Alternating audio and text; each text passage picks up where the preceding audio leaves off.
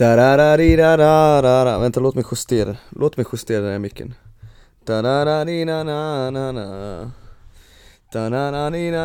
da da Välkomna till ett nytt avsnitt av Nick Sörna, damer och herrar. Idag spelar jag in det här avsnittet för jag ska utomlands nu i en vecka. Så det blir, det blir ingen Nick Sörna till helgen men nu, nu kör vi, nu ska vi ta oss igenom snabbt några aktuella ämnen från den här poddens favorit Draymond Green Till Zion Williamson Till Jeffrey Taylor Till U18-landslaget det, det, finns saker att snacka om. Det finns saker att snacka om och uh, Thank God för det liksom. Tänk, tänk liksom om vi hade haft en period under året där det inte finns någon basket alls, men det händer ju grejer och det är det som är vackert, framförallt med NBA Det måste jag säga, även fast du blev lite trött på ligan i våras så händer det alltid något och vi vet att det som händer mest saker kring nästan oftast är Draymond Green för att den mannen älskar att stå i centrum och den mannen älskar att snacka. Och eh, han är bra på att snacka, men jag måste säga en sak. Jag har aldrig träffat en människa som är smart, som säger 'Jag är smart' Jag har aldrig träffat en människa som är ödmjuk, som säger 'Ja ah, men jag är väldigt ödmjuk' Jag har aldrig träffat en människa som är snäll, som går runt och säger ja men jag är ju jättesnäll Det är alltid tvärtom. Alltid! Och jag vet, om ni tänker på exempel ni har mött i era liv så ni kommer ju komma överens med mig. Det är alltid så att de personerna som skriker ja men jag skulle vilja säga att du är smart Det är alltid den dumma personen. För att någon som är smart har du den här självdistansen liksom För att fatta att det är bara dumt att säga att man är smart? Och varför jag säger det när jag pratar om Draymond Green, det kan ni lista ut själva, jag bara inte, ni kan bara plussa ihop två och två. Men hur som helst, Draymond Green som gärna hyllar sig själv uh, Gör det igen nu, han uh, sa i en uh, podd att han vill och förväntar sig att han kommer få max deal från Golden State Warriors vilket i hans fall innebär 130 miljoner dollar för fyra år. Och ja, vad ska man säga liksom, det är ju han är 32 år gammal, han har haft problem med skador. Han snittade 6-6-7 i en finalserie Och han vill ha 130 miljoner dollar. Och, och rykten, alltså källor som eh, uh, journalisterna i USA har fått säger att Golden State är såklart inte intresserad av att ge 130 miljoner. Vilket inte är så jädra konstigt. Han är inte värd pengarna. Han är inte ens nära av honom. Alltså Ska han få fyra år, 80 miljoner, där tycker jag att hans pris uh, ligger. Och det tycker jag är okej okay, liksom. 20 miljoner dollar per år för att spela basket är ju nice. Han är ju väldigt viktig för Golden State såklart, det fattar vi behöver inte gå igenom det här, jag fattar att han kan spela basket men Återigen. Smarta personer säger inte att de är smarta. Fantastiska helpside-försvarare skriker inte här, titta på mig, jag är en fantastisk hjälp. Alltså förstår ni vad jag menar? Tror ni att Ben Wallace och Dikembe Mutombo när de var som bäst, att de gick runt och skrek Titta på mig, jag är bäst på att spela Det, det gjorde de inte. Så vi lämnar Draymond Green och går vidare till Zion Williamson och den där bizarra klausulen som finns i hans kontrakt, alltså lyssna på det här, det här är ju faktiskt bland det sjukaste jag hört det finns en klausul, alltså Zion Williamson nu förlängt kontrakt med typ 100 miljarder miljoner, typ, nej. Det var väl 180, 170 miljoner tror jag, skitsamma. Och alla blev förvånade över att han fick så stort kontrakt för att han har ju varit skadad väldigt mycket. Men tydligen finns det en klausul i kontraktet som säger att, lyssna på det här. Han svikt plus procent, alltså hans fettprocent tillsammans får inte vara över siffran 133 Förstår ni vad jag menar? Så låt oss säga att han väger 115 kilo. Och hans body fat procent är 18, vilket är väldigt mycket, nu ger du bara ett exempel. Så då klarar han sig, men är det över Så får de ta bort en del av garanterade pengar från hans kontrakt. Och Alltså det här är ju väldigt sjukt för att när Zion Williamson kom till NBA, eller hans sista år på Duke vägde han exakt 130 kilo. Och för att, och då var han ändå i ganska bra form, han har alltid varit gigantisk men där var han liksom in game shape. Så för att han ska komma ner tillbaka till sin vikt från Duke Får han bara ha 3% i, 3 i fettprocent för att kunna klara det här. Och Det är ju omöjligt, det är ingen i världen som har 3% fett. Så han måste alltså ner hela vägen till typ 121 kilo och sen ha 12% i fett för att klara. Det jag, jag förstår inte hur det här kommer funka, det här kommer ju inte funka. Han kommer ju bli av med massa pengar, alltså det, det är folk som hävdar att han i år vägde 150 kilo. Och då tar vi de här 150 kilo, låt oss säga att fettprocenten, nu gissar jag återigen, men typ 17 Det är 177 om vi summerar de här två aspekterna, så det, det är ju, ja det är ju en bisarr klausul och jag har ingen aning hur det här kommer fungera och jag har en känsla på att, jag har en känsla av att Zion och New Orleans är på väg mot en riktigt jävla vidrig skilsmässa. Jag, jag tror nästan det känns oundvikligt. Men vi får se, Zion Williamson kanske går ner i vikt Något drastiskt och kanske kommer ifrån, för det är det alla vi vill alla vi vill en och samma sak, för att vi, vi förstår ju att han är en speciell basketspelare, den kombinationen av att vara explosiv och snabb och ändå stark och, och spänstig och ha så bra händer som han har, det är ju liksom, den kombinationen är ganska unik. Vi förstår att Zion är en unik spelare och alla vi vill att han ska må bra men Han är ju helt enkelt out of shape. Och, och han har ett problem, jag tror bokstavligt talat att han har ett problem. Så vi får se hur det blir med Zion men ja, alltså de här svenska klubbarna i ligan skulle, bör ha typ klausul hur ofta man får gå ut, för vissa av de här alltså importerna, eller importerna. Jag var ju för fan ute varje torsdag lördag på XY när jag spelade. Men, men där, hos mig behövdes ingen klausul, jag, jag hade inga pengar, jag fick så lite pengar, det hade varit tragiskt om de hade dragit av procent eller något. Men det här med klausul är ändå intressant liksom, för jag, hade jag varit en sportchef hade jag bara manglat mina spelare med klausuler, jag skulle ha hållit dem i schack. Du får inte väga över det här, du får inte, eller nej jag skojar, det där, det där känns ganska destruktivt. Det är väl bara Miami Heat som är kvar i NBA som håller på med så här strikta regler kring uh, hur bra form man ska vara och hur mycket man får festa och så vidare. Och det är därför de har winning culture, dogs, woof woof. Nej jag skojar. Vi går vidare, vi går vidare till uh, svenska landslaget och VM-kvalet för att jag, jag skrev om det här på Twitter igår, men jag har en känsla av att Jeff Taylor kommer att göra en comeback. Och jag vet att vi har gjort det här i nio år. Vi har gjort det här misstaget i nio år, vi pratar om Jeff Taylor. Han insinuerar att det kan vara möjligt, nu, nu sa han i och för sig i BC Luleå-podden förra året att han inte kommer spela för landslaget i framtiden. Men han har ändå aldrig stängt dörren ordentligt. Och vet exempelvis nu i juni, juni och juli mot Finland och eh, Slovenien så hoppades många på att han skulle spela. Men han uh, dök inte upp och folk blir besvikna. Och sen alla vi som blir besvikna samlas runt och säger Men vänta, fan vad dumma vi är, varför gick vi ens? Varför fick vi upp våra för förhoppningar? Det är bara dumt och onödigt, vi har lång historia. Och gott om exempel om att han kommer inte spela.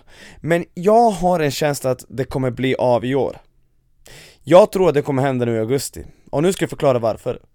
Nummer ett har vi ju det här argumentet med Mikko Rippinen, det har vi pratat om många gånger, de är barndomsvänner, om det är någon i hela världen som kan övertala honom att spela i landslaget så är det Mikko Rippinen. Men nummer två, och kanske viktigast av allt, är att han är klubblös.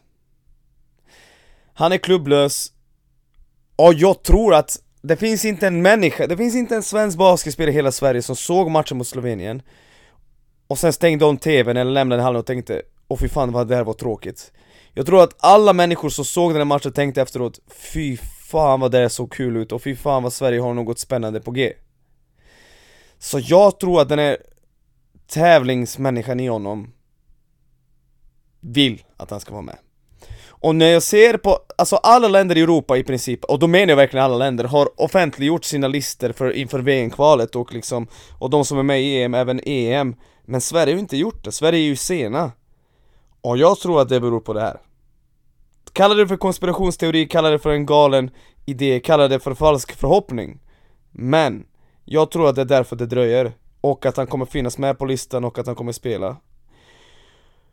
Och om man väl tar på sig Sverige-linjen så kommer, alltså den, den känslan kommer ju faktiskt vara otroligt speciell. För vi vet att han, är, han har tyvärr blivit en polariserande figur. De flesta vill se honom spela, men vissa vill inte med tanke på hans historia och det som hände 2014 om jag minns rätt. Och det kan vi kanske ta upp någon annan gång igen, men min känsla säger mig att han är tillbaka. Han kommer lira. Och med honom i laget, alltså, med Jeff Taylor i laget så ja, Sverige kan göra riktigt bra saker alltså För där får vi liksom ett defensivt test och sen har vi folk som kan spela försvar de här unga, Pansar och Paul Larsson, alltså det skulle bli så sjukt bra. För glöm inte att, visst Jeff Taylor håller på att bli äldre men han var ju med i rotationen i Real Madrid förra året, ett av Europas fyra bästa lag Så han är fortfarande ruskigt bra den här snubben. Men i alla fall, det är min teori och jag tror faktiskt att det kommer att bli verklighet. Om ett par timmar börjar U18, en och en halv timme börjar U18 spela EM Och det är ett lag som det kommer bli först och främst väldigt spännande, främst för att Elliot Kadå är med, vi har redan pratat om Elliot Kadå, ni vet vem det är, han är Sveriges största talang för tillfället. Jagas av North Carolina och Kansas på college och uh, topp 10 rankad i hela USA, bla bla bla, whatever. Grejen med det här laget är att det här laget spelade Nordic Cup inför EM och det såg inte bra ut, så det här laget har tyvärr inte en rimlig chans att ta sig upp till A-divisionen. Jag skulle bli glad om de skulle göra det. Men jag tror inte att de gör det för att Ja, jag, jag tycker inte att bredden finns där. Spetsen är helt okej okay med liksom Kado och Fasasi och även Kermori från Södertälje. Det är liksom några spelare som är duktiga Som håller bra nivå, men överlag känns det som att det, är, det kommer inte hända. Så det som gäller är att liksom de här spelarna samlar på sig erfarenhet och liksom se till att bli bättre och lära sig någon. Och när det gäller Eli Okado så hoppas jag verkligen att han Spela försvar för att jag har redan pratat om det här. Han spelade inte försvar i Nordic Cup i den här turneringen. Sen i USA har jag fått höra att han har spelat bra försvar till och med Med tanke på hans storlek. Så jag hoppas att han liksom omfördelar sin energi, för jag förstår, han, han, han är tvungen att göra otroligt mycket offensivt och han kommer att göra massa poäng. Alltså ingen i Europa kan stoppa honom, tror inte jag, inte på division B-nivån. Så han kommer att snitta sina 20 poäng per match, 5 assist, bla bla bla, Han kommer ju briljera offensivt. Men jag skulle vilja se lite bättre insats defensivt. Och sen som sagt, resten av laget, bara se och lära och se till att bli bättre. Den här generationen är inte lika vass plus som U20 Den är inte lika vass som U16 Uh, eh, men talanger finns det gott om och många spelare i det här gänget kommer ju såklart bli elitspelare i framtiden. Uh, och vad har vi mer att prata om? Vad har vi mer att prata om som är intressant? Uh, vi kan, uh, vi kan, alltså, jag såg ett videoklipp på en snubbe som går high school som är 2,26, 16 år gammal Och han rör sig helt okej okay för att vara 16 och 2,26, helt okej okay. Och sen liksom när jag tittar på Chet Holmgrens och Victor Wembanyamas och alla de här lirarna, alltså jag börjar märka att alla de här spelarna som en gång i tiden var centrar automatiskt ni vet vad jag menar, typ en Jag vet inte, Jamal McGlure Eller det var inte svårt Jamal McGlure, vi kan ta pff, Vad hade vi för center förr i tiden? Det fanns ju massa center, typ Greg Ostertag och alla de här. Jag börjar få en känsla av att alla de här grabbarna, dagens Jamal McGlures och Greg Ostertags och George Mureshans alla de börjar få guard-liknande skills. Och det är ju på ett sätt fantastiskt, för jag tror att vi kommer se att de här 2.15, 2.20 spelare som är, det finns väldigt få av i hela världen. Alla de som blir bra på basket, ingen av dem kommer spela under korgen, alla de kommer, kommer kunna hantera bollen Och alla de kommer, kommer kunna skjuta utifrån. Och jag tror att det kommer leda till att de kommer få mer speltid, jag tror det kommer leda till att liksom vi får massa Janis, uh, eh, Chatongren's, alltså ni vet de här två Kevin Durants, uh, Eh, Porzingis, alla de här två, från 2-8 uppåt som kan hantera bollen och skjuta utifrån. De kommer bli liksom, det är de som kommer få lira, det är de som kommer få lira 30 minuter per match. Och jag tror att alla de här 1,85, 1,90 kommer sållas bort så småningom. Eller det är inte något jag tror, men det är något jag orolig för. Sen kommer det alltid finnas supertalanger som liksom är otroligt explosiva, 1,85, typ Allen Iverson, en sån där once per generation spelare som kommer få chansen i NBA. Men om vi tittar hur NBA utvecklas, för 20-30 år sedan kunde en Maxi Bucks få spela. Det kommer inte hända igen. En Earl Boykins på 1,69, 1,70 Han kunde vara med i rotationen i många lag i NBA Jag tror inte att du är 1,69, 1,70 och är med i rotationen idag vi ser hur Isaiah Thomas peakade för några år, men jag känner att han är den sista spelaren som är 1,75 så Och allt beror på det här att byta i försvar. Och allt beror på att det finns så många Janis nu för tiden och det finns Chet Holmgrens för att du kan inte lämna en Maxi Bogues mot, mot Janis eller Chet Holmgren. Förstår ni vad jag menar? Det finns för mycket skills Folk är så flexibla, folk spelar olika positioner både i anfall och i försvar. Och jag tror att Basketen är på väg dit. Kanske inte om 20 år, kanske inte om 50 år men det är definitivt på väg dit. Och vi får inte glömma människor genomsnitt håller på att bli längre, alltså vi blir mycket längre på bara 200 år. Så, ja.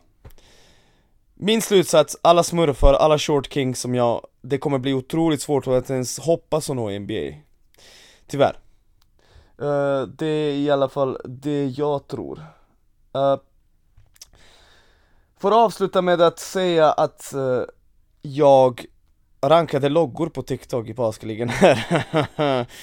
Jag rankade loggor och gjorde min lista, Fryshuset var sist, sen kom Umeå, Borås Uppsala, Köping, Norrköping, Nässjö, Jämtland, Luleå, Kalmar, Södertälje. Så såg min lista ut från sist till först.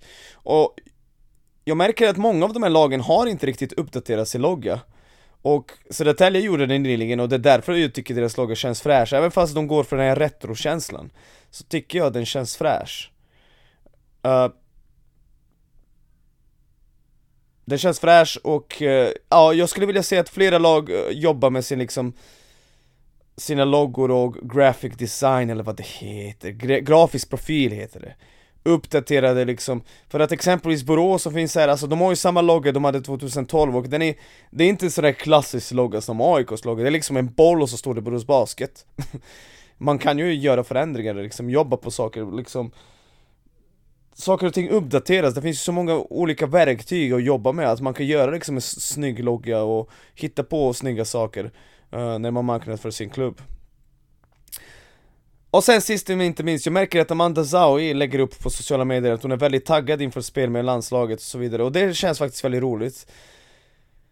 För att vi behöver Amanda Zaui, vi vet att det här laget som vi såg spela mot Lettland inte kommer klara av det här kvalet utan lite mer inside presence. Med Garrity och Zaui i laget så kan vi börja skissa på något riktigt bra. Då tror jag att det landslaget kan slå Lettland på hemmaplan och vinna två gånger mot Israel. För det är det som kommer behövas för att gå vidare, tror jag så det kommer bli spännande att följa, kul att Amanda Saui är taggad på landslaget och eh, hoppas att hon kommer in och så blir det lite, det blir mer harmoniskt den här gången. Så det inte blir liksom som de tidigare åren då man har hört att det inte riktigt varit bra stämning alla år. Det kanske är dags att vända bladet, nytt, ny coachstab.